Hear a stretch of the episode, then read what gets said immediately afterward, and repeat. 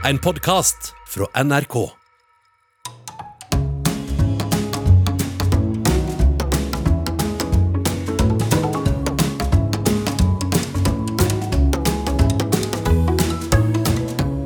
Hjertelig velkommen til Sånn er du her på NRK P2, hvor Nils Brenna Hei.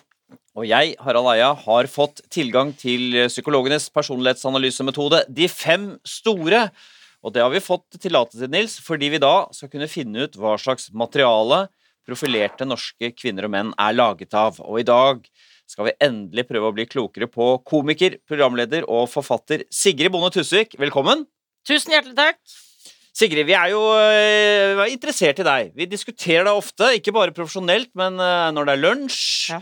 øh, kanskje før og etter møter. Og stikkordene som går igjen når jeg lytter på hva folk har å si om deg, er jo en motsetning myk og hard. Det sies ofte samtidig. Det er liksom det som er mysteriet, Sigrid. På den ene siden så har du jo et øh, bankende hjerte for de svake i samfunnet. Flyktninger, folk som har lite penger, folk som sliter. På den annen side så er du jo også ganske hard i klypa. Eh, Ikke minst i den eh, offentlige samtalen mot eh, de du er uenig i. Det har vi selv fått merke, Nils. Absolutt. I 2013 så skrev vi en litt ja, hva skal vi si, Nils, en litt sånn breial kronikk om likestilling i Norge, og da skrev Sigrid et svar. En breia, et breialt svar. Ja, ja, breialt svar. På, men da skrev du blant annet jeg mistenker at Eia og co. har fått brillene sine flekket til av sæd fra den intellektuelle runkeringen de deltar i. Og vi er jo ikke de eneste her. Du har jo kalt en, um, en politimann, Hans Møllebakken, uh, som i forbindelse med flyktningkrisen, for møkkamann. Og det er jo en lang liste her, jeg skal ikke gå gjennom alt. Altså, har vi tenkt, ikke sant? Uh, Det er et uh, stort hjerte, og kanskje et hardt hjerte samtidig. Så hva er det gjør at du fremstår sånn, har vi lurt på da, ikke sant? Er det ulike krefter i deg som drar i ulike retninger, eller er det på en måte to sider av samme sak? Nettopp. Fordi som du vet, eh, som vi har vært inne på før, Nils, eh, sterk empati, det henger jo ofte sammen med å ta ganske hardt i mot de man mener plager, de man syns synd på. Mm. Så mm, du er liksom skjør og har en sånn voldsom fart samtidig. Mm, det er fint beskrevet. Den likte du. Ja, skjør med voldsom fart. Det skal jeg Det må stå på gravstøtta. Så vi begynner med dette personlighetstrekket som både kan romme det myke og det harde i deg, Sigrid. Vi skal se på Sigrid Bonde Tusviks score på nevrotisisme.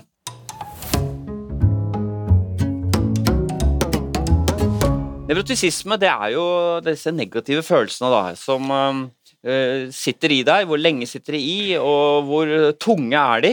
Hvor mye er man preget av eh, det som eh, Av angst, av eh, stress, av eh, forskjellige typer uro. Og vi begynner med den eh, kanskje morsomste underdimensjonen under nevrotisisme, nemlig fiendtlighet. Hvor lett man lar seg irritere, hvor sint man blir, og man har anlegg for bitterhet og frustrasjon. Jeg ligger ganske uh, lavt på hvis jeg skulle sagt at jeg blir irritert i kø, for eksempel. Jeg kommer ikke opp med fingeren, eller kan bli forbanna fort på, en, på trikken hvis det er noen som puster tungt. Nei. Men på teater, hvis noen puster tungt, kan jeg bli ganske irritert stille og tenke Du Kan ikke gå på teater hvis du har så plystrende nese, og jeg må sitte så tett ved deg. Det at du begynner med å svare på det, du kan nevne ting du ikke blir irritert over. Det er jo et uttrykk for at, uh, At det er ganske er mye man irriterer seg over. Ja, men fordi jeg, jeg er jo ikke sånn Jeg er ikke italiener i trafikken. Nei, men du lar deg irritere med en del ting. Ja, ja, ja. Absolutt. Skal vi bare gå til tallet? jeg, ja, få høre tallet. fordi, bare for å minne om skolen, 50 er snitt. Eh, Nærmer du deg 60, så begynner det å bli tydelig høyt. Det går bare til 80. Det er én person som har fått høyere enn deg noensinne. Du har tallet 77. Oi! Kristoffer Joner er den eneste som har høyere enn deg. Ja, men så fint. Jeg Ja. lar det ikke stoppe. Hvis jeg kjenner følelsen, så lar jeg den komme. Jeg blir jo forbanna for eksempel da på humorprisen når ikke noen kvinner vinner. Vi tar den humorprisen. Ja, Gå igjen, vi tar gjennom den løypa der. Hva skjer? Det som skjer med humorprisen, er at vi er masse kvinner. ikke sant? Ja. Else leder hele humorprisen. Masse kvinner som er oppå scenen hele tiden. Stefan Ludvigsen. Og Morten Ramm har spurt masse av oss kvinnelige komikere til å underholde gratis på dette showet. Vi jobber på, og så bare går det mann på mann opp og tar imot pris på pris Og på hva pris. skjer da? Skjer da Og det som irriterer meg, er at de der mannlige mennene sitter liksom og bare Og det er så mye high fives, og det er så mye sånn, er sånn når, når menn får det gøy i en sal, så blir jeg så forbanna på sånn Dette er jo helt ikke likestilt. Og så liksom Ja, de digger hverandre, og er det sånn Og er så det, blir, er det ingen som kommenterer det, ikke sant? Det, er bare, det blir bare verre og Men verre. hva, hvordan er det Og inni så deg, da? sier Ja. Else helt på slutten Ja, for en fantastisk kveld for dere menn i Humor-Norge. Altså, hun kommenterer det, og så liksom tenker jeg liksom Ja. Og det, og det var jo veldig bra at Else gjorde det. Eh, For det var litt overraskende at Else faktisk gjorde. Mm, jeg er enig. Og så, og min mann satt jo i, i komiteen og alt mulig. Altså, så folk ble jo Jeg klikka jo først på Martin, stakkars. Hvordan skjedde det, da? Nei, da gikk Martin bare et eller annet Alle er jo sånn festglade og sånn. Jeg bare Det her finner jeg meg faen ikke i. Han bare Hva da? Han bare, Hva da? Og jeg bare Det er ingen kvinner som vinner. Det går ikke, det går ikke an. Det, det går ikke an. Jeg gidder faen ikke å være her, sier jeg. Så går jeg bak, og så kommer Live Nelvik og Else, og de skal pakke sammen, og jeg bare Det går jo ikke an! Og Liv bare Nei, det går ikke an. Og Else bare Nei, det går ikke an. Ja, for da merker du at de har ikke det Og da tar de bare sånn bilde eh, på Instagram. Det går ikke an! Liksom. Mens jeg er sånn Det går ikke an! Jeg pakker bagen, raser ut, liksom. Ler du mens du gjør det, sånn at du syns det er gøy, eller er det bare er det liksom Nei, jeg blir bare mer og mer hissig. Litt Ja, for da sånn er du helt i det, sånn sett. Det er én til én, liksom. Du er forbanna. Jeg har mista det helt, liksom. Jeg bare det, det her går ikke an. Det er jo helt Det er jo kronikkalarm. Da merker jeg sånn Her bor det kronikk. Ja. Og så må jeg liksom da drikke vann i taxien hjemover og bare Dette må jeg ikke Må ikke være full, liksom. Og jeg var jo ikke full, men jeg hadde jo drukket. Men hvis noen hadde, tatt, hvis noen hadde sagt eh, sånn Nå må du skjerpe deg, eller sånn, hvor forbanna hadde du blitt da? Kan du, Hvis- liksom, kan, kan du trigges enda jeg fikk mer jo? Liksom? masse kjeft etterpå, ikke sant. Men hva, hva, Det ble jo running gag. Jeg var liksom på tredje året nå, så er det Altså, hver gang en kvinne vinner nå på Humorprisen, så er det jo på en måte fordi jeg har klagd. Altså, det er jo bare Men blir forbanna av Jeg er ødelagt for alle kvinner framover. Ja, for alle er Nå føler alle at de er deg. Ja, fordi jeg kvotert. Sinna Sigrid har kjefta deg fram, ja. Så det er ingen som vinner på ekte. Hvor lenge sitter Nei, det er langsint. Langsint. Ja, du er det? Jeg er forbanna Ja. ennå. Og jeg blir jo forbanna hvis folk liksom ikke skjønner at det var viktig å faktisk si fra om det. Og jeg syns jo det er helt hårreisende at man må si fra i 2018 eller når det var, Mm. at det er ok at noen kvinner Og så er det sånn Ja, men det fins ikke kvinner i miljøet. Det er bare bullshit. Det fins masse kvinner i miljøet. Men jeg må si det, jeg synes det er litt befriende at du sier at det er langsint, for jeg syns nesten alle som er sinna, sier at det går så fort, men det går veldig fort over. Men det gjør det ikke hos nei, deg. nei, nei, nei. For det kan ikke du Jeg fant jo fram følelsen allerede. Altså, fremdeles så kjenner jeg det. Men du smiler og ler når du snakker om det. Det er det som er litt sånn det er det som er gøy, så derfor jeg lurer på om du har en sånn, sånn Ja, men jeg får jo ofte tilbakemelding på det når jeg kjefter. Hvis jeg kjefter på Lisa Tønne på ekte, liksom, i podkasten, så smiler jeg jo. Så sier hun 'Å, det er så gøy å få kjeft på deg'. Ja, ja du har sukra pillen ganske godt. Men du, når Harald, du sier sånn i offentlig, men, du er, men i privaten, du kan vel irritere deg over folk på privaten òg? Ja, ja, ja. Og Martin, stakkars, får jo mye kjeft. Han får det. Ja. For hva da? Uh, alt, egentlig. For eksempel. At det ikke er likestilt hjemme hos oss, er jo veldig irriterende for meg. Uh, og så blir jeg rasende, og så gjør jeg det fortere enn han, så jeg gjør jo Ja. alt likevel. Ja. Istedenfor å vente. ting med ja, praktiske barna ting. Stå opp med barna, lage matpakker, Kjefter det, eller? vaske klær, brette klær, rydde. Hvis han sier det er veldig rotete her, da blir jeg rasende. Rydder på et kvarter, sier se, nå er det helt ryddig. Ja. Men kjefter du mens du Ja, ja. på? Kjefter du på barna, eller? Ja, de får masse kjeft. Gjør det. Eh, På Hva- vei ut og For eksempel hva da? For, for, Nei, det er jo, det er jo å kle på, eh, oppføre deg ordentlig. Ja. Nei, jeg gidder ikke å høre det! Jeg gidder ikke å høre det, sier jeg veldig. Ja. Jeg gidder ikke! Jeg gidder ikke sånn! Sånn gidder jeg ikke! Ja. Så da hører jeg at barna sier jo eh, Men de er på en måte trent i det, så de blir ikke, får ikke sjokk? Nei, de blir ikke redde og lei seg. Men jeg må jo skjerpe meg hvis de har venner på ja. besøk. Sånn. Som ikke er Nei, vant til at jeg liksom sier Jeg, jeg går mye liksom fort i sånn rettesettelse. Uh, bare for Og så er jeg fullt forvirrende, mener da Martin, at jeg da liksom Jeg er kjemperasende. Gir godteri med en gang etterpå. Ja, ja. Altså, helt sånn Ja, Får du dårlig samvittighet etter et sånn uh, Nei, men liksom er ikke konsekvent. Nei, sånn, ja. Alle, er lurer, alle lurer på sånn Er det lov i dag å se på iPad eller ikke? Altså det er ikke sånn Ja, det vet man Fra mandag til fredag er det ikke iPad. Det er sånn Ja. Nei, i dag er det ikke iPad. I dag er det iPad. Ja. Noen mennesker som, eh, som gjør deg urett, da. Som du blir sint på. hvordan Er det vanskelig for deg å tilgi dem og forsone deg? Sitter det på en måte alltid et stempel på det mennesket? Eh, Ja, altså det, Men det er vel moral Jeg har litt sånn høy moral på at du må være litt sånn ordentlig menneske. Ja, Ja, det har du, men hvis, det da, hvis noen bryter med det Ja, nei, da tenker jeg liksom eh, Da blir jeg ofte veldig skuffa, og så tenker jeg sånn Ok, men da er du et sånt menneske, ja, men da må jeg bare Da noterer jeg liksom Ja, du er et søppelmenneske egentlig i bånn, det er greit, men da Ja. husker jeg det for Du har en liste over noen mennesker som du tenker på som søppelmennesker. Ja, fordi dette har vi snakka om Kristoffer Schou eh, om. Han har jo et sånt system Ja. hvor han har Jeg liker jo Kristoffer Schou sitt system veldig. Så du har en liste Det er ganske mange på den lista, eller? For deg? Ja.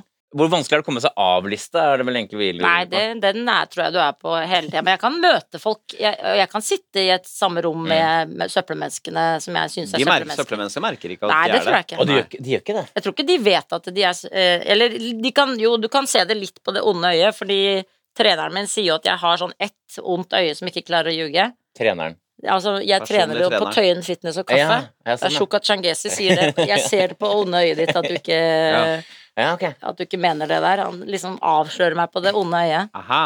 Jøss, Ibsen hadde jo det to øyne, ett som boret ned menneskesjelen, og ett som var åpent og undrende. Som jeg ofte har prøvd å herme etter selv. Ja, ja. Men, men, men eh, har du tilgitt oss den uh, breiale Denne runkeringen deres? Ja. ja jeg syns jo dere er vanskelige menn. Ja. Dere er veldig vanskelige menn. Vanskelig å få has på, Ja, fordi dere irriterer dere jo over eh, Jeg føler dere irriterer dere over så mange. Å, Dere sitter i gjengen Altså, dere het jo Kongebordet før, ikke sant, i messa. Når dere satt på Kongebordet Messa, altså kantina i NRK. Hvorfor? Det er ikke en båt. Ja, det er sant. Nei, det er ikke en båt. På messa, i messa, da satt dere jo i den ringen og eh, Irriterte oss. irriterte dere over så mange, Men skal, og men jeg kan rydde opp litt i Harald. Harald er ikke så, han har veldig lav fiendtlighet, skjønner du. Ja. Så han er, du, du er sånn som liker å pirke Harald er jo også litt konfliktsky, ikke sant? Men han liker å pirke borti med en lang pinne, er det du sier, Harald? Ja. Og så håpe at det går over. Og så har det gått over for deg. Du er, Ja, er, du er veldig lite sånn grumsete type. ja, jeg vil ikke si jeg går ut og Nei, det gjør du ikke. Du irriterer deg ganske lite, syns jeg. Ja, for litt, nesten. Nei da. Det er ålreit, det. Det er ganske mange personer som irriterer deg, rett og slett. Ja, liksom, jeg kan Jeg, kan, jeg blir jo ikke kjempeirritert sånn at de finnes. Fordi det er det jeg mener, hvis jeg og Sylvi Listhaug hadde sittet i et uh, podkaststudio, hadde vi jo hatt det kjempekoselig, tipper jeg, i fire timer. Ja, du, for du tenker, det tenker du. Ja. Jeg hadde gitt henne en klem hvis det ikke var korona, liksom. Men Men jeg skriver jo veldig mye imot henne. Men hva er det du opplever da? La oss si at det skjedde, da. Hva er det du ville oppleve da sammen med henne som gjorde at det ble såpass hyggelig? Jeg bare tenker at hun, er, hun, har, hun har vokst opp på gård, og det er jo mye gøy med Sylvi Listhaug, og hvordan hun har blitt sånn som hun har blitt. Ja, ja, absolutt. Eh, og hun får mange barn, og hun eh, vil gå liksom offentlig med stort kors og jobbe på, liksom, Ja. med meningene sine. Og hun og jeg er egentlig ganske like, ikke sant, i å bare buse Mm. ut med Ja. det der er bullshit, det gidder jeg ikke å høre om. Altså, ja. Det er sånn det er- i gode Hollywood-filmer, at uh, helten og skurken møtes Ja. og sier 'jeg er egentlig ganske like vi'. Ja, det er, det er Og det, liksom det der, det prøver jeg å lære hvis jeg snakker med unge mennesker, eh, som jo er veldig på den derre boikott-kjøret. Ja. kjøret. Ja. At du liksom, du må jo tå... Boikott, altså folk ikke får lov til å snakke på scener og sånn. Ja, eller at det er liksom da Ja, ikke sant? Skal ikke komme og holde en forelesning hvis du har sånn og sånn holdning. Skal vi Altså, si burde man ikke bare være åpen Man må jo man må på en måte tåle at mennesker finnes. Det virker som at folk nå har bestemt seg for at nei, men de, må ikke, de kan ikke finnes. Ja, men det er det er veldig så- rart. Det er så rar, Ja. rar holdning. Bare for ordens skyld, da, så er det sånn at høy fiendtlighet, det gir masse kok, ikke sant? Men det er det som avgjør om det kommer ut eller ikke, det er jo føyeligheten. Ikke sant? Espen Eckbo, da, for å ta han, han har også høy fiendtlighet, men han har samtidig konfliktsky, så da blir det sånn implosjon. Mm. Men du har lav føyelighet i tillegg, så du får det ut. Ja. Så Det føyelighetsscoren din er 34, så du har meget tydelig lav føyelighet også. Så kan, det ikke- ikke mening å kalle det konfliktsky. Nei, men jeg hadde jo ikke klikka i et rom med dere to, for eksempel. Da. Nei, som du kunne ha gjort hvis du skulle Der er jeg litt mer Marte Stokstad, at jeg snur uh... Ja, så det, det kan du. du Ja. har den, mens Lisa hun er mer, enda mer Ja, for. Li Lisa går jo rett på, liksom, og sier uh... Lisa Tønne, altså. Ja. Lisa Tønne går rett på. Kan du tenke på tre voksenpersoner inni deg som ikke irriterer deg overhodet? Tre voksne på Nei, nei, det kan jeg ikke komme på. Det er akkurat det. Alle har vel noe? Ja, alle har noe. Ellers er du ikke menneske, på en måte. Nei. Men det er jo poenget er at med så høy score så kan det jo nettopp føles som det er ganske mange personer som ikke irriterer seg over så veldig mange personer. Og det er irriterende i seg selv, sikkert. ikke sant? Ja, ja, ja. Folk som ikke irriterer For det er jo det som er trist med samfunnet, er jo de som ikke bryr seg, eller Ja, ikke, som sier sånn åh, må du mene så mye? Bare, ja, vi, vi lever jo i knapt 80 år her, så vi må jo mene masse. Det er viktig å mene mest mulig. Ja, det syns jeg er rart. å Ikke mene noe. Og min store frykt er jo liksom at jeg blir Like har det kjempehyggelig hjemme og Sier du det? Du er redd for nesten Ja. at temperamentet skal slippe Ja. taket? Hvor lykkelig, for hvor lykkelig vil du si det er på en skala fra 1 til 10? Eh, Lykkefronten, der er jeg jevnt over ganske lykkelig på sånn 8-9 hele Nettopp, tiden. ikke sant? Ok, så da har vi fastslått det. Sigrid ganske har en del fiendtlighet eh, i seg. Kan eh, fort bli En del, det var jo Ja. enormt mye. Jeg er enig, Roger. Jeg Ja, på en del uttrykk en del. for at jeg sa en del. Det er kronikkalarm. Så, men resten av buketten, eh, nevrotisismebuketten, Nils Ja. I sum så er du ganske, ikke veldig, men ganske høy på nevrotisisme. Tallet er 59. Det betyr at du er sånn ca. 15-16-17% høyeste. Ja. Det er ikke ekstremt. Du er da lav på det som heter impulsivitet, som vi ofte har snakka om at det er litt ikke helt intuitivt at det er et nevrotisk. Det betyr i kort, kortversjon at du, du klarer å stå imot fristelser. Potetgull og godteri og mat og sånn. Ja. Og så er du på snitt på sårbarhet for stress. Det betyr at du er lettstresset som et annet vanlig menneske. Og så er det på snitt på selvbevissthet, det vil si sjenanse og det å føle deg bekvem, ubekvem i møte med mennesker. Så der er du ikke lav heller, da. Nei. Så det betyr at du er en, en form for Jeg vet ikke, sjenanse eller er det noe sånn ubekvemt i sosiale settinger kan være? Ja, jeg vil jo ikke liksom eh, brase inn i inn på fester. Må liksom gå litt i hjørnet først for å se. Ja, ikke sant? Men du er ikke høy, altså. Bare så du er, her er du helt vanlig. Ja. Ja. Og så er du høy på fiendtlighet, som jeg snakka om. Eh, og så er du ganske høy på depresjon. Ikke veldig høy. Altså, det er det som f.eks. kan romme en sånn skyldfølelse. Er det noe du kan kjenne på? Ja, absolutt. Det kan jeg ha kjempedårlig samvittighet for at jeg har klikka på folk og vært rasen. Ja, du har det. Hva er det du kjenner da? Nei, da, det er en, ja, skyldfølelse. Det, var, det, var, det der var jo helt unødvendig. Det trengte jeg jo ikke å Ble det unnskyldning? eller? Eh, Ja, og jeg er veldig dårlig til å be om unnskyldning, eh, fordi jeg jo mener ofte at jeg har hatt rett. Ja. Så da må kan jeg godt jo gjøre det nå og si det med at sted på brillene var veldig dumt. Men fordi det, det jeg ofte syns er trist, er jo at jeg prøver jo Jeg mener jo at det er kjempegøy å si at dere har uh, sæd på brillene deres, og at det er flekket, og dere er i, i, i klok runkering. ja. Eh, mens, og jeg tenker jo at det ofte er morsomt at noen, noen prøver å Og, og jeg syns jo kvinner er litt kjedelige hvis de skal hvis de skal mene noe, så skal de liksom være så veldig sånn strenge. Mm. Så jeg prøver jo alltid å være sånn overdrevet, ikke sant. Kaller en da en politimann for møkkamann, for jeg tenker at det er jo kjempegøy å gjøre. ja. Og så Det er komisk effekt, på en måte, Ja. mer enn at det er Så du har et lite sånn blikk på det, tross alt? Ja, fordi jeg føler jo at jeg er en komiker i bånn. Jeg skjønner. Og så har du tydelig høy score på engstelse også, så du du bekymrer deg en del. Ja, jeg er kriseromantiker, som det er heter i vår familie. Grei ut. Jeg tror folk ikke tar til Martin tar ikke telefonen, da er han død. Oh, ja, Eh, og da der. ser jeg liksom for meg ambulanse Ja, som henter han, og så finner de ikke koden på mobilen hans. De finner ikke Hvem er han fyren der igjen? Ja. Eh, jeg tror han er død veldig ofte. Ja, du gjør det. Ja, ja, ja. Jeg tror søsteren min er død. Ja. Eh, Lisa tror jeg er død. Ja, jeg tror de nærmeste er døde. Er det jeg, tror at, eh, jeg klarer jo ikke å la datteren min på sju år gå hjem fra skolen hvis ikke hun går med en annen som har mobiltelefonklokke. Ja. Så, og da sender jeg masse meldinger til de mødrene. Hvor er de nå? Ser du hvor de er? Og de har syv minutter hjem fra skolen. Ja, hun går i andre klasse. ja, hun går Ja. i andre klasse, og jeg blir helt Jeg sitter da hjemme og bare Og da kjenner du Da Nå er du urolig. Nå er hun død, liksom. Ja, ja.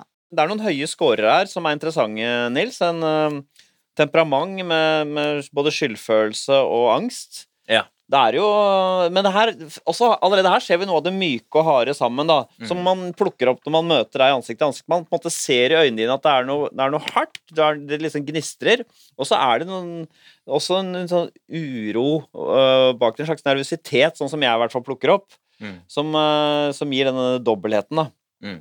Um, men skal dette komme ordentlig til uttrykk, skal vi merke hvem øh, du er, så øh, bør du score høyt på neste personlighetstrekk. Vi skal se på Sigrids score på ekstroversjon.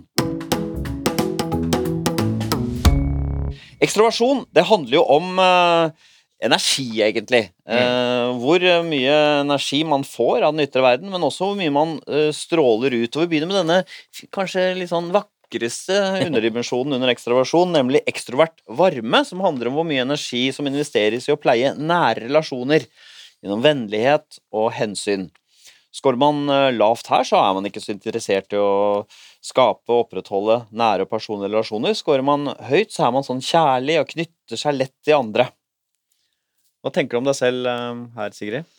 Jeg er jo veldig flokk, eh, flokkmenneske, da, så jeg er nok den som knytter Jeg bor jo sammen med moren og faren min. De bor i første etasje, jeg bor i andre Ja, ja, etasje. ja. Så jeg, Det liker du godt. jeg kan jo ikke se for meg et liv uten å ringe søsteren min hver dag og Ringer du hver dag? Ja, må ringe hver dag. Og Ikke sant? Snakke om ting. Hun tross alt redder verden, så det er veldig lurt å ringe Ja. henne hver dag. Hun jobber igjen. Hun jobber i Human Rights House Foundation, Ja. så hun, da får du jo i hvert fall et eh, perspektiv på livet. Jeg trodde du skulle si det- Human Rights. Ja, jeg også håpa det. Det er innmari viktig jobb de gjør med å holde islam i sjakk. Ja. Redde verden hver dag Hver dag. fra Koranen. Ja, men ok. Men, ok, Så det du sier, er tilsier høyt tall, og det har du. du har, det som heter ekstra varme, har du tallet 63. Det vil si at du er i en gruppe på 10, så er du den varmeste. Det vil si eh, 10 høyeste. Var så hyggelig. Ja, og Det det, var koselig, da. og det var det jeg tenkte i stad, da du sa det med Sylvi Listhaug. Du liker på en måte folk også oppi det at du irriterer deg over dem. Ja. Det er Den dobbeltheten der er jo ganske interessant. ja, og jeg blir jo sjokkert over at ikke alle gjør det. Ja. For det, Så det er derfor jeg også tenker alltid at alle må jo like meg, hvis jeg altså Ja. Og så blir jeg helt sjokkert hvis det er sånn Hvis noen sier sånn Jeg var jo veldig skeptisk til deg eh, i starten, og så tenker jeg sånn Tenk at du har vært det! Det er jo helt sykt! Fordi jeg liksom Jeg tenker at nei, men alle starter jo med 'Jeg får høre noe om deg', og så kan jo det 'Å ja, du er en sånn en, ja'. Ja, ok. Ja, du eventuelt går til det negative. Ja. Men nei, det er morsomt det der, synes jeg, at du, du liker folk, og du irriterer deg over folk.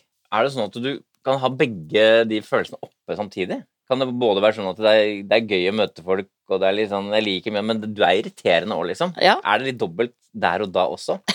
Ja, Det er det. hele tiden. Ja, det er jo det fascinerende Og det er sånn kanskje du har bygget ekteskapet ditt, òg, vet jeg. Men altså, det er jo det derre Det er jo to krefter som er ganske tilsynelatende ganske forskjellige, som virker sammen. Ja, så er det på en måte å tåle masse folk, da. Mm. Tåle folk. Ja.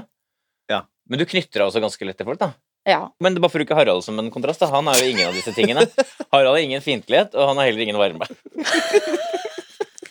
Så han sklir jo mer sånn Han irriterer seg ikke når du irriterer deg, og han er ikke noe sånn veldig sånn at han drar deg inn heller. Sånn, Nei, det er det. prinsippet. Og det er jo derfor du er redd for å møte Harald. Harald er jo en av de komikerne du liksom Men det er jo, det er jo også den respekten man har for Harald, da, fordi man vet jo aldri om Harald liker deg eller ikke. Det er jo det som er Eller, Og Bård også har jo litt det samme, faktisk, Ja. selv om han er kristen i hjertet.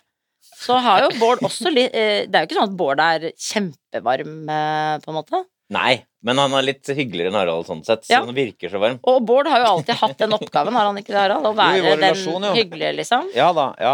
Du er da altså et varmt eh, menneske, da, en ekstrovert varme, som, eh, som jo ikke hø- hører under medmenneskelighet, Nils. fordi dette det høres jo veldig sånn ut at det er sånn medmenneskelig trekk, men det er, tanken er da at eh, ja, dette, dette er mer en, en slags vennlighet, Mm. mer enn at du er en sånn derre eh, at du får de relasjoner til å gli nødvendigvis, og at du er snill eller noe sånt. At det er Mm. noe annet. Mm.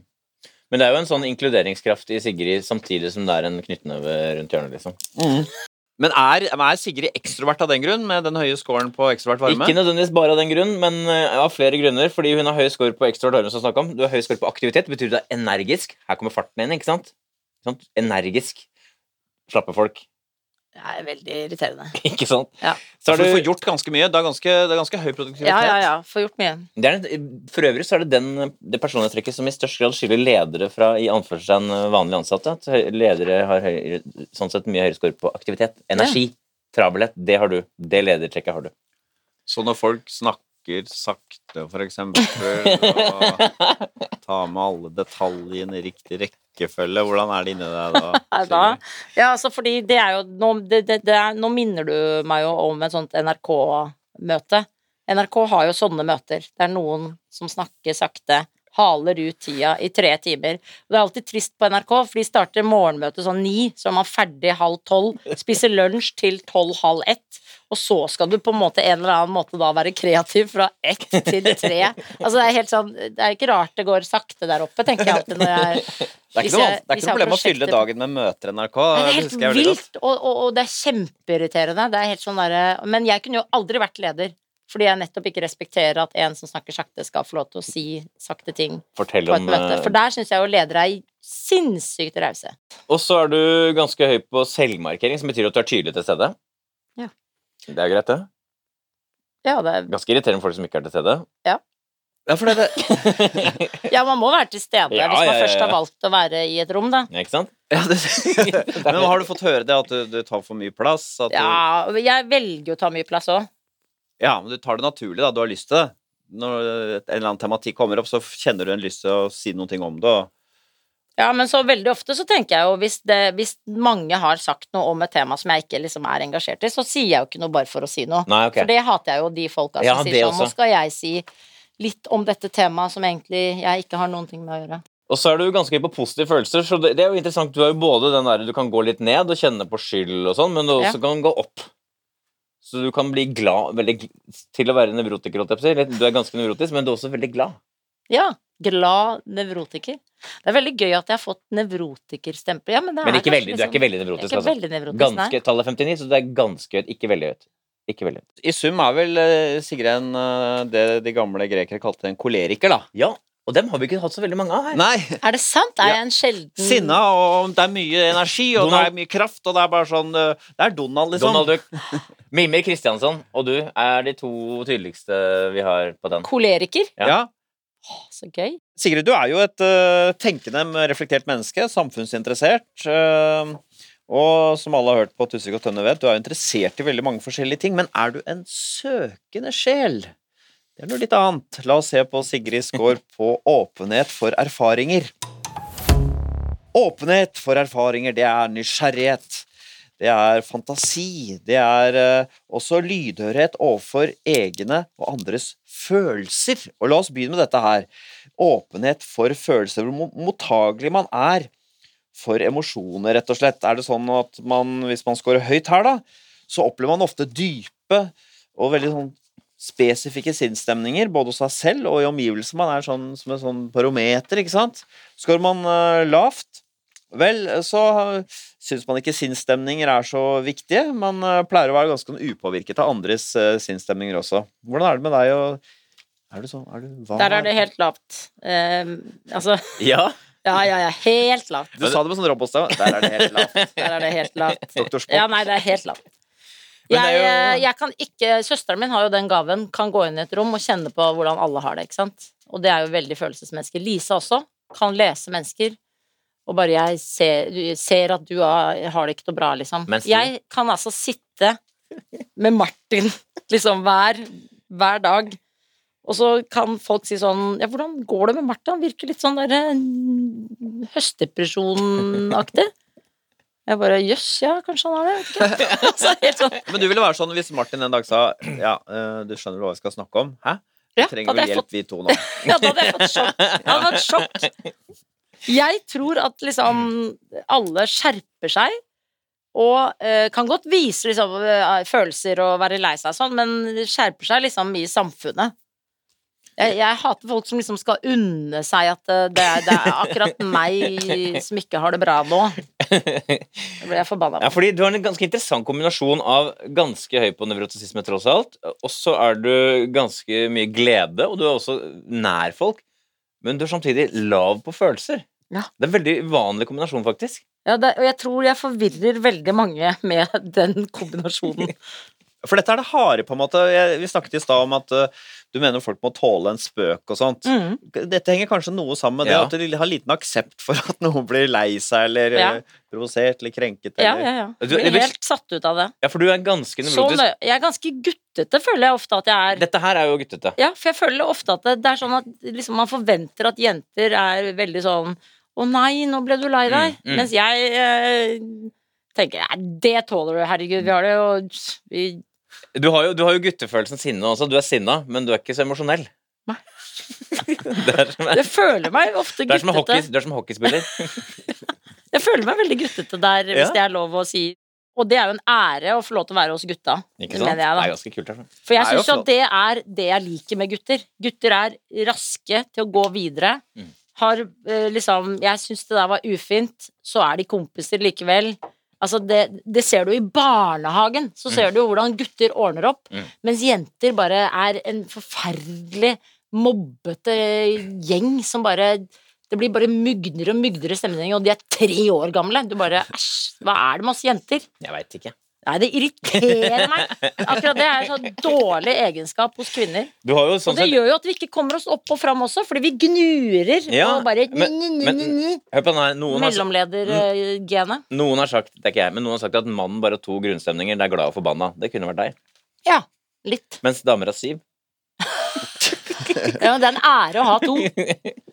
Åpenhet for erfaringer rommer jo så mye, også åpenhet for verdier. Altså i hvilken grad man eh, stiller spørsmål ved og utfordrer egne og andres verdier. Skårer man lavt, så har man ganske bestemte oppfatninger om om hva som er riktig og galt.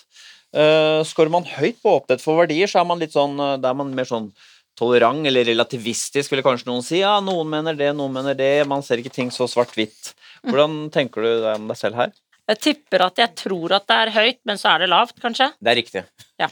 Er veldig, jeg syns den er veldig artig, denne, denne, dette funnet her. Fordi du representerer på mange måter sånn I hvert fall etterlatt inntrykk sånn politisk, sånn at du er liksom, ligger i en sånn liberal retning, ikke sant. Mm. Du har veldig lav score på verdier, 31, som betyr at du sånn sett da, er veldig konservativ.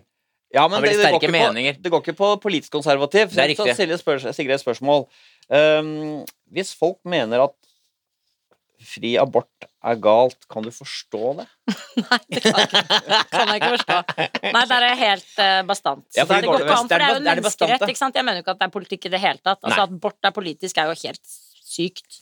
Det er jo en menneskerett. Nettopp. Og det kan ingen menn egentlig uttale seg om, fordi ingen mann går ni måneder og bærer på et annet menneske. Altså, det er jo Så der er du ikke tolerant Nei, ikke i det hele tatt. Altså, helt sånn, det, det, det er helt umulig å diskutere. Hvis en religiøs Mens menneske jeg er jo kristenfundamentalist på ek ekteskap, for eksempel, og utroskap Ja. sånn. Der er jeg jo Ja, du er gæren. det. Ja, Ja, for der er du ikke sånn Ja, det er litt gøy at noen var litt utro Nei, nei, nei, Å, der er helt. Der er jeg helt Kjell Ingolf Ropstad. Hva hvis du treffer en konservativ muslim eller kristen som sier at for meg så er homofili galt? Ja, det er helt uaktuelt. Det, er jo- altså, det også er jo helt sykt, ikke sant? Altså, homofili, homofili finnes jo, liksom. Når du da møter et sånt menneske da som for eksempel er mot fri abort, eh, er det sånn at du liksom mm, Er du nysgjerrig på hvordan de argumenterer og tenker? Nei. Altså, det går ikke an, liksom. Det, fordi For meg er det helt uforståelig. altså, helt uforståelig. Ja, så det her er vel en tråd i den harde veven, da, Nils. Men jeg kan helt fint bo på, gå, dra på hyttetur med det mennesket. Ja.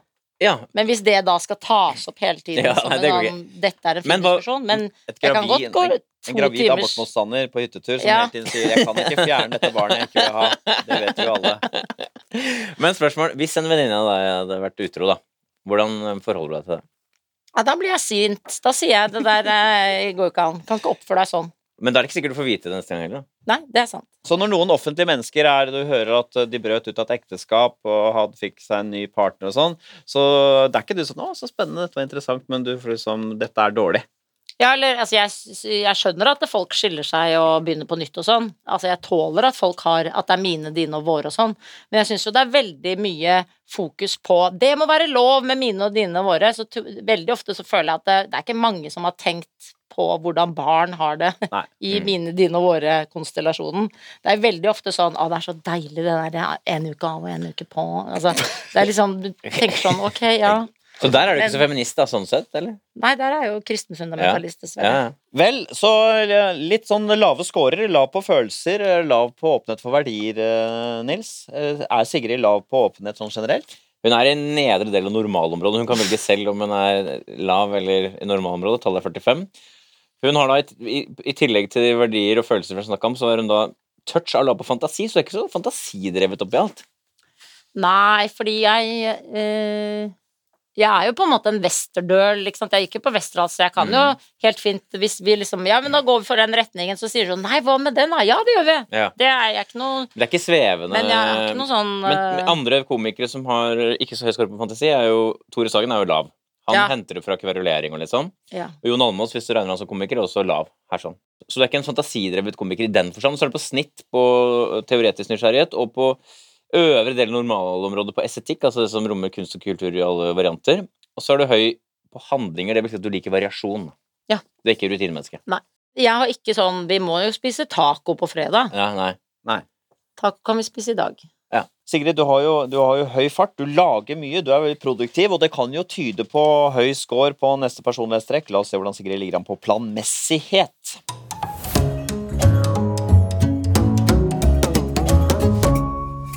Planmessighet, det er jo øh, viljen og drivkraften til å prestere for å oppnå sine mål.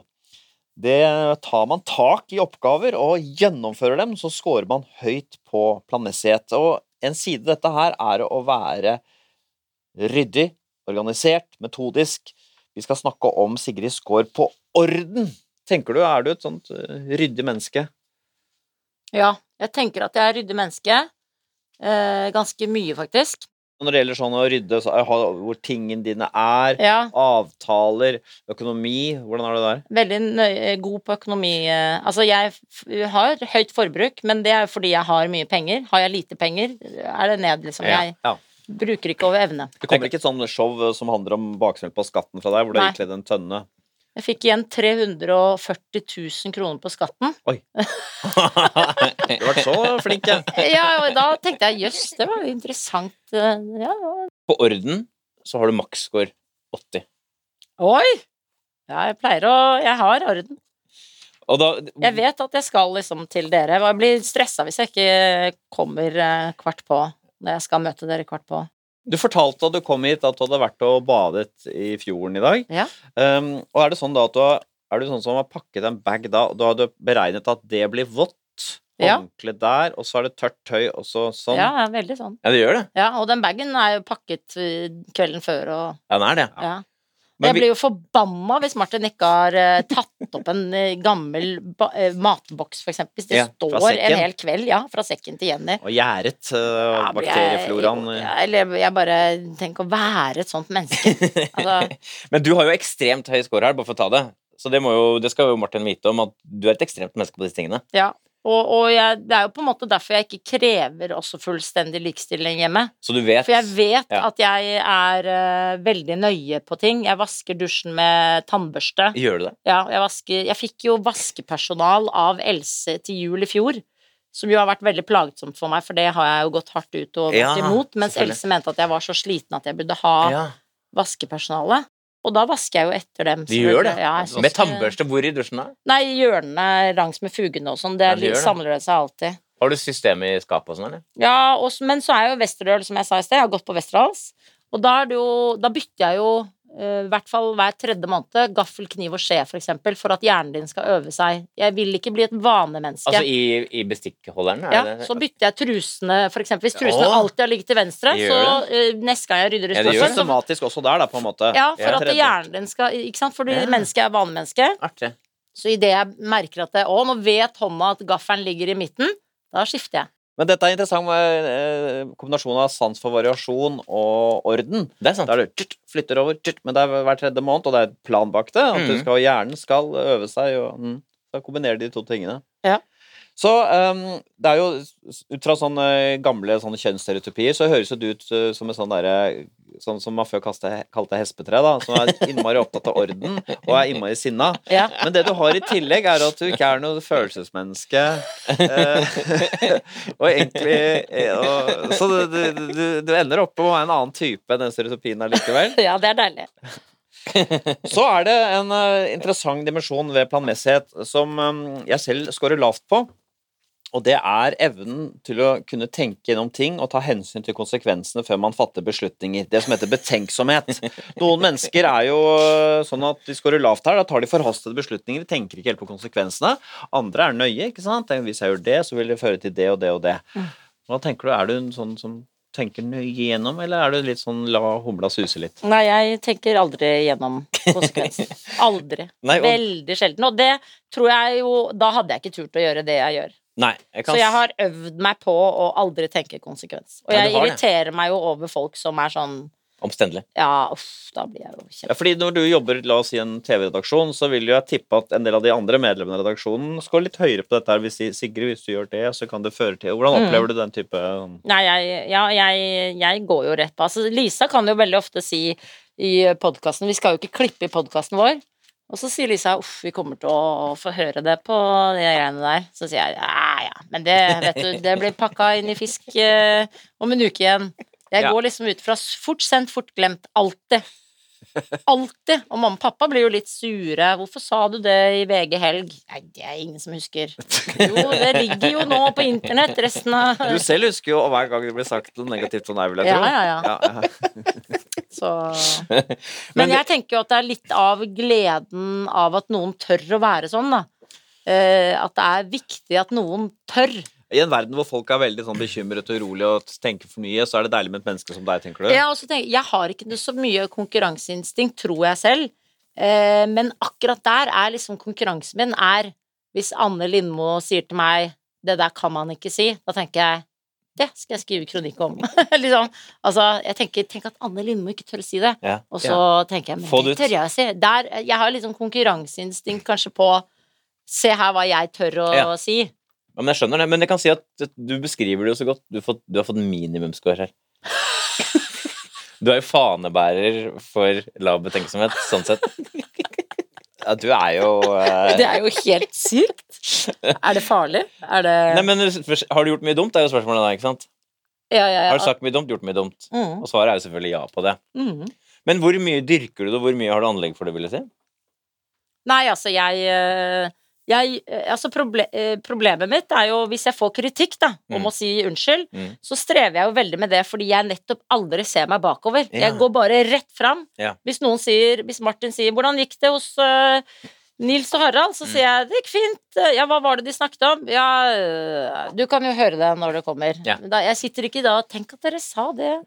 Ja, det må jeg huske å fortelle Martin. Det Jeg er ja, dårlig også til å gjenfortelle ting jeg har opplevd, fordi jeg liksom egentlig har gått videre for lenge siden.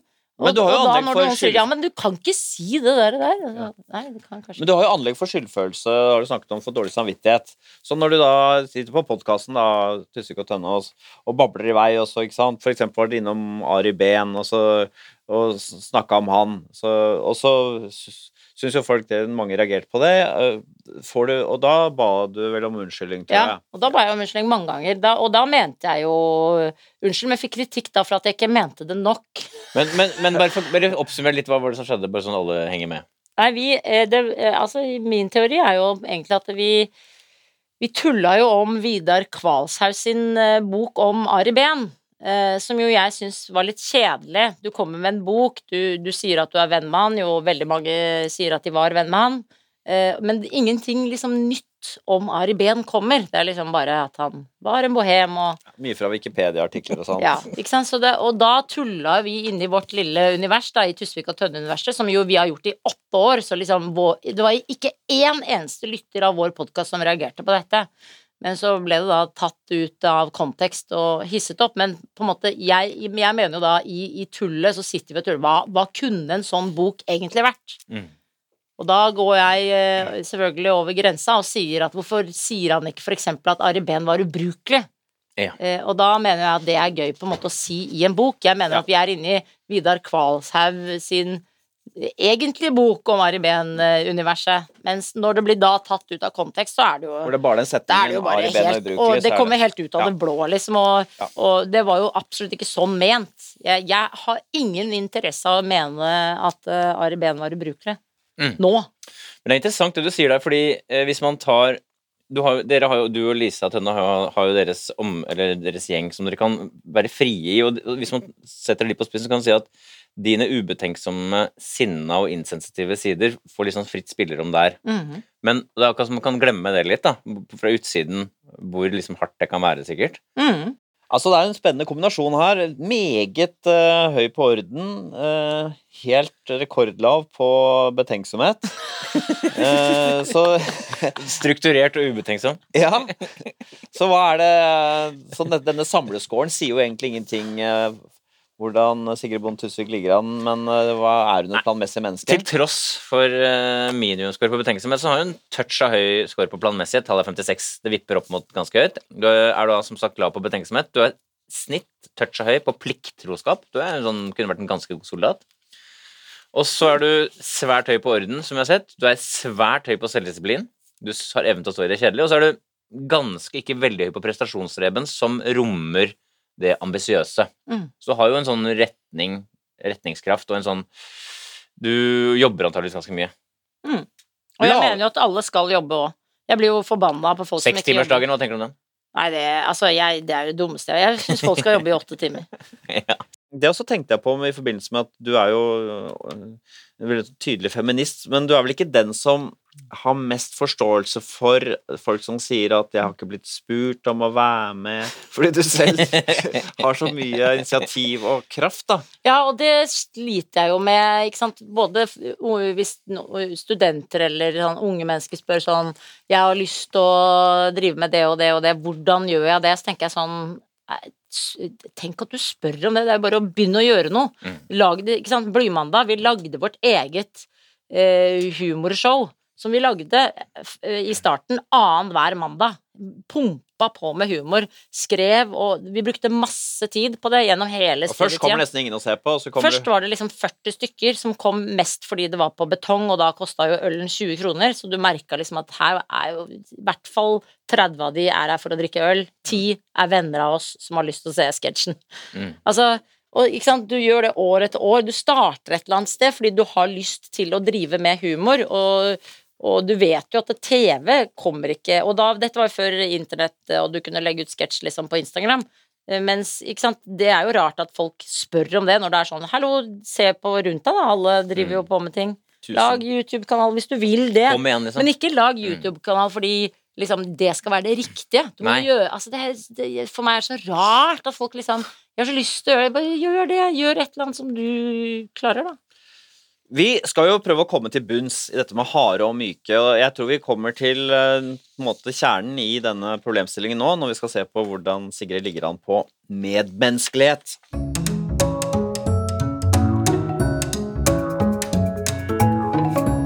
Medmenneskelighet handler om hvor grei eller hvor lett man er å ha med å gjøre.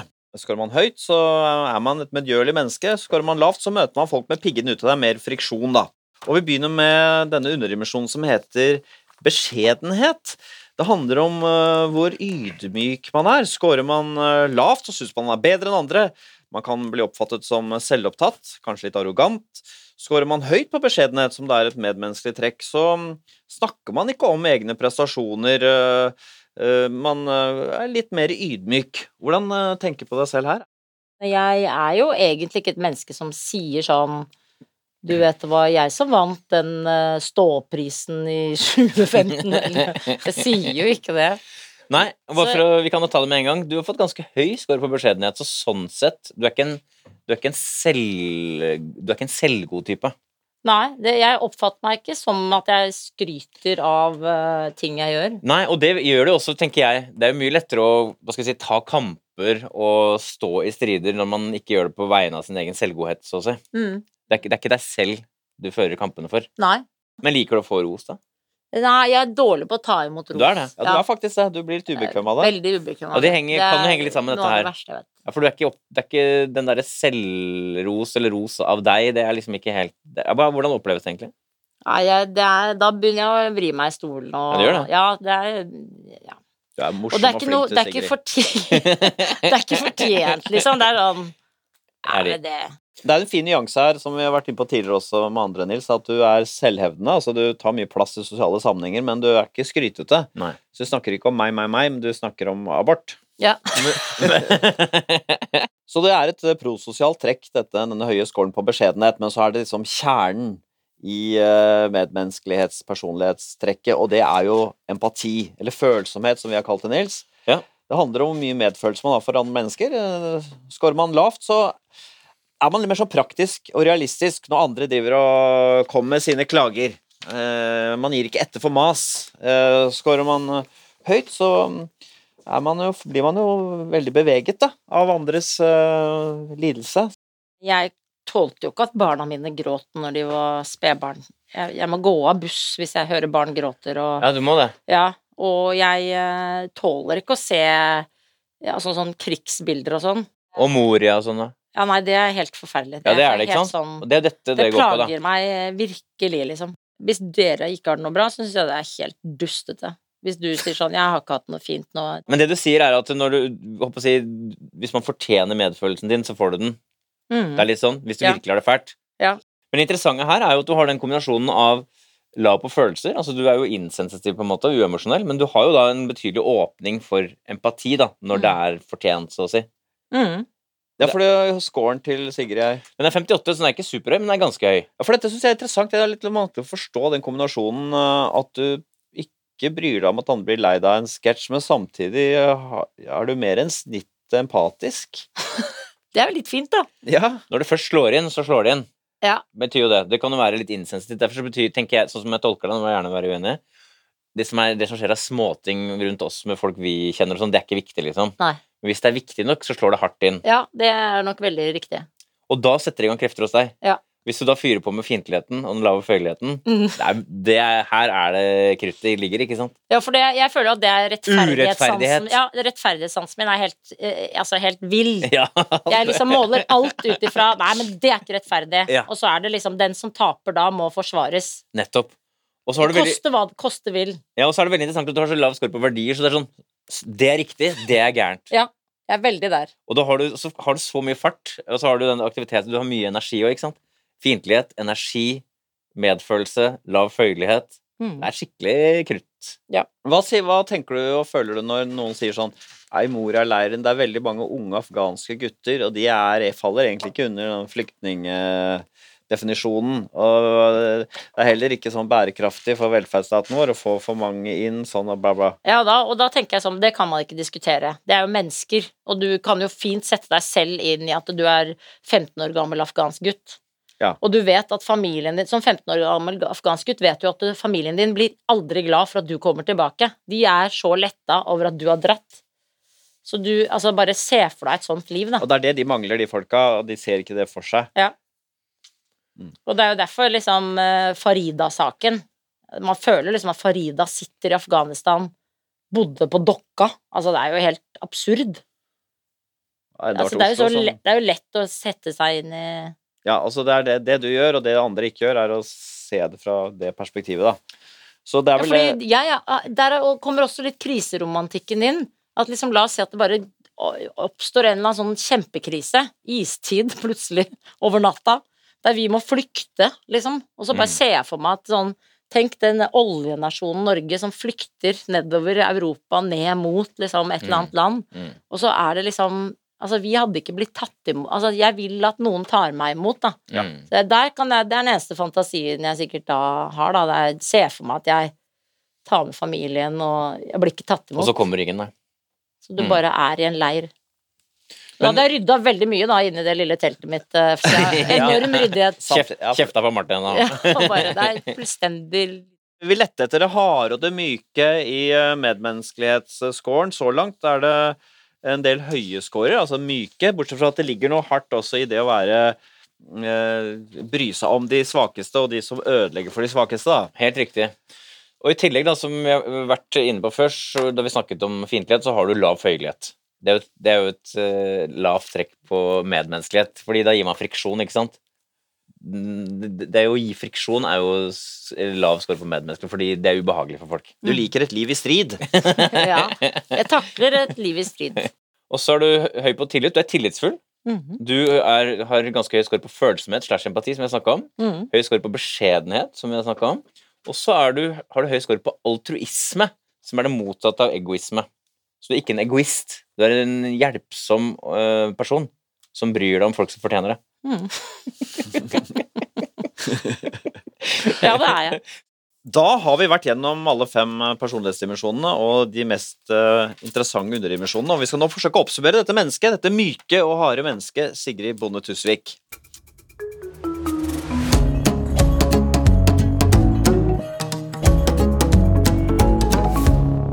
Sigrid, du eh, har myk var jo stikkordet her, og det, jo, det har vi jo funnet i rikt monn, eh, vil jeg si. da. Du er jo ganske hissig, samtidig som du er empatisk.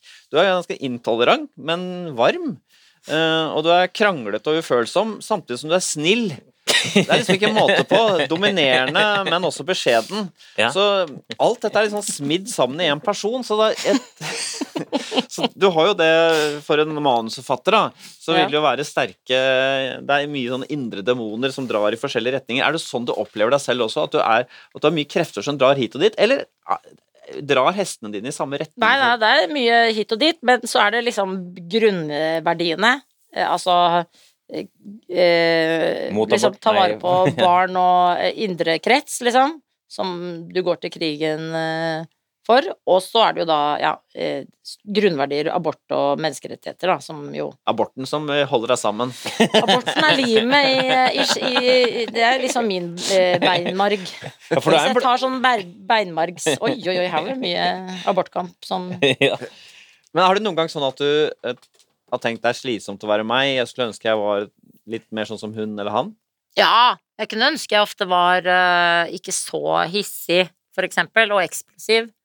Men så liker jeg jo eksplosiviteten i liksom engasjementet mitt i verden, og da klarer jeg ikke å skru av det på privaten, eller eh, Ja, så det ødelegger jo litt, på en måte, å være sånn. Men du syns jo det er litt kjedelig med folk som ikke er sånn òg. Ja, så jeg gjør det jo litt på gjørs, og så gjør jeg det jo litt sånn når jeg skal skrive og sånn, så vil jeg jo liksom helst være hissig. Det er jo de kjedeligste tingene er å skrive der du liksom er uengasjert og syns at eh, ja, det går jo greit her. Så korona, for eksempel, er jo eh, en gavepakke sånn til å ta det med ro og sånn, men det er jo Du blir jo veldig lite sint. Ja, for du får ikke trimma den jeg møtte. Erna Solberg eh, backstage på senkveld litt sånn inn i lockdownen. Eh, lockdown 1.0, og da sa hun sånn Ja, til og med du har sluttet å skrive stygge kronikker om meg, Sigrid. Altså liksom, vi mente at det var et tegn på at uh, nå er det ikke mye å ta tak i her. Syns du hun var litt kul, eller? Ja, jeg liker jo da Erna veldig godt. Ja, du gjør det. hun, eh, ja. Ja. Jeg, jeg, Hvorfor altså, det? Jeg syns jo Erna har forferdelige meninger, for eksempel, sånn politisk. Men hva er det du liker henne for? Nei, jeg liker jo nå under pandemi, da. Mm. Så er hun jo Må jo være det må være litt sånn kjedelig å være mora til eh, Norge. Mm. Eh, og det har jo alle, føler jeg, de kvinnelige lederne tatt veldig sånn Mm. grep i alle land som har kvinnelige ledere. Så Mm. er de mora di. Mm. Og du merker jo at en kvinne som sier 'men sånn må det nesten bli', det, det føler du har hørt selv når du var barn, på en måte. Men det er jo Når. Erna sier, og så må det være rart for Erna eh, når det er sånn Ja, ok, så, så kan, vi, kan vi ha fest med ti? Ja, ti ganger to. Ikke fler? Nei, ikke fler. Altså, det, det må være litt sånn kjedelig å være mor. Ja, Kan jeg få gå ut på byen etter klokka ti? Nei, det kan du dessverre ikke. Da dør bestemor. Tusen takk for at du kom og delte. Det har vært veldig interessant og gøy å snakke med deg, Sigrid. Det var veldig hyggelig å være her.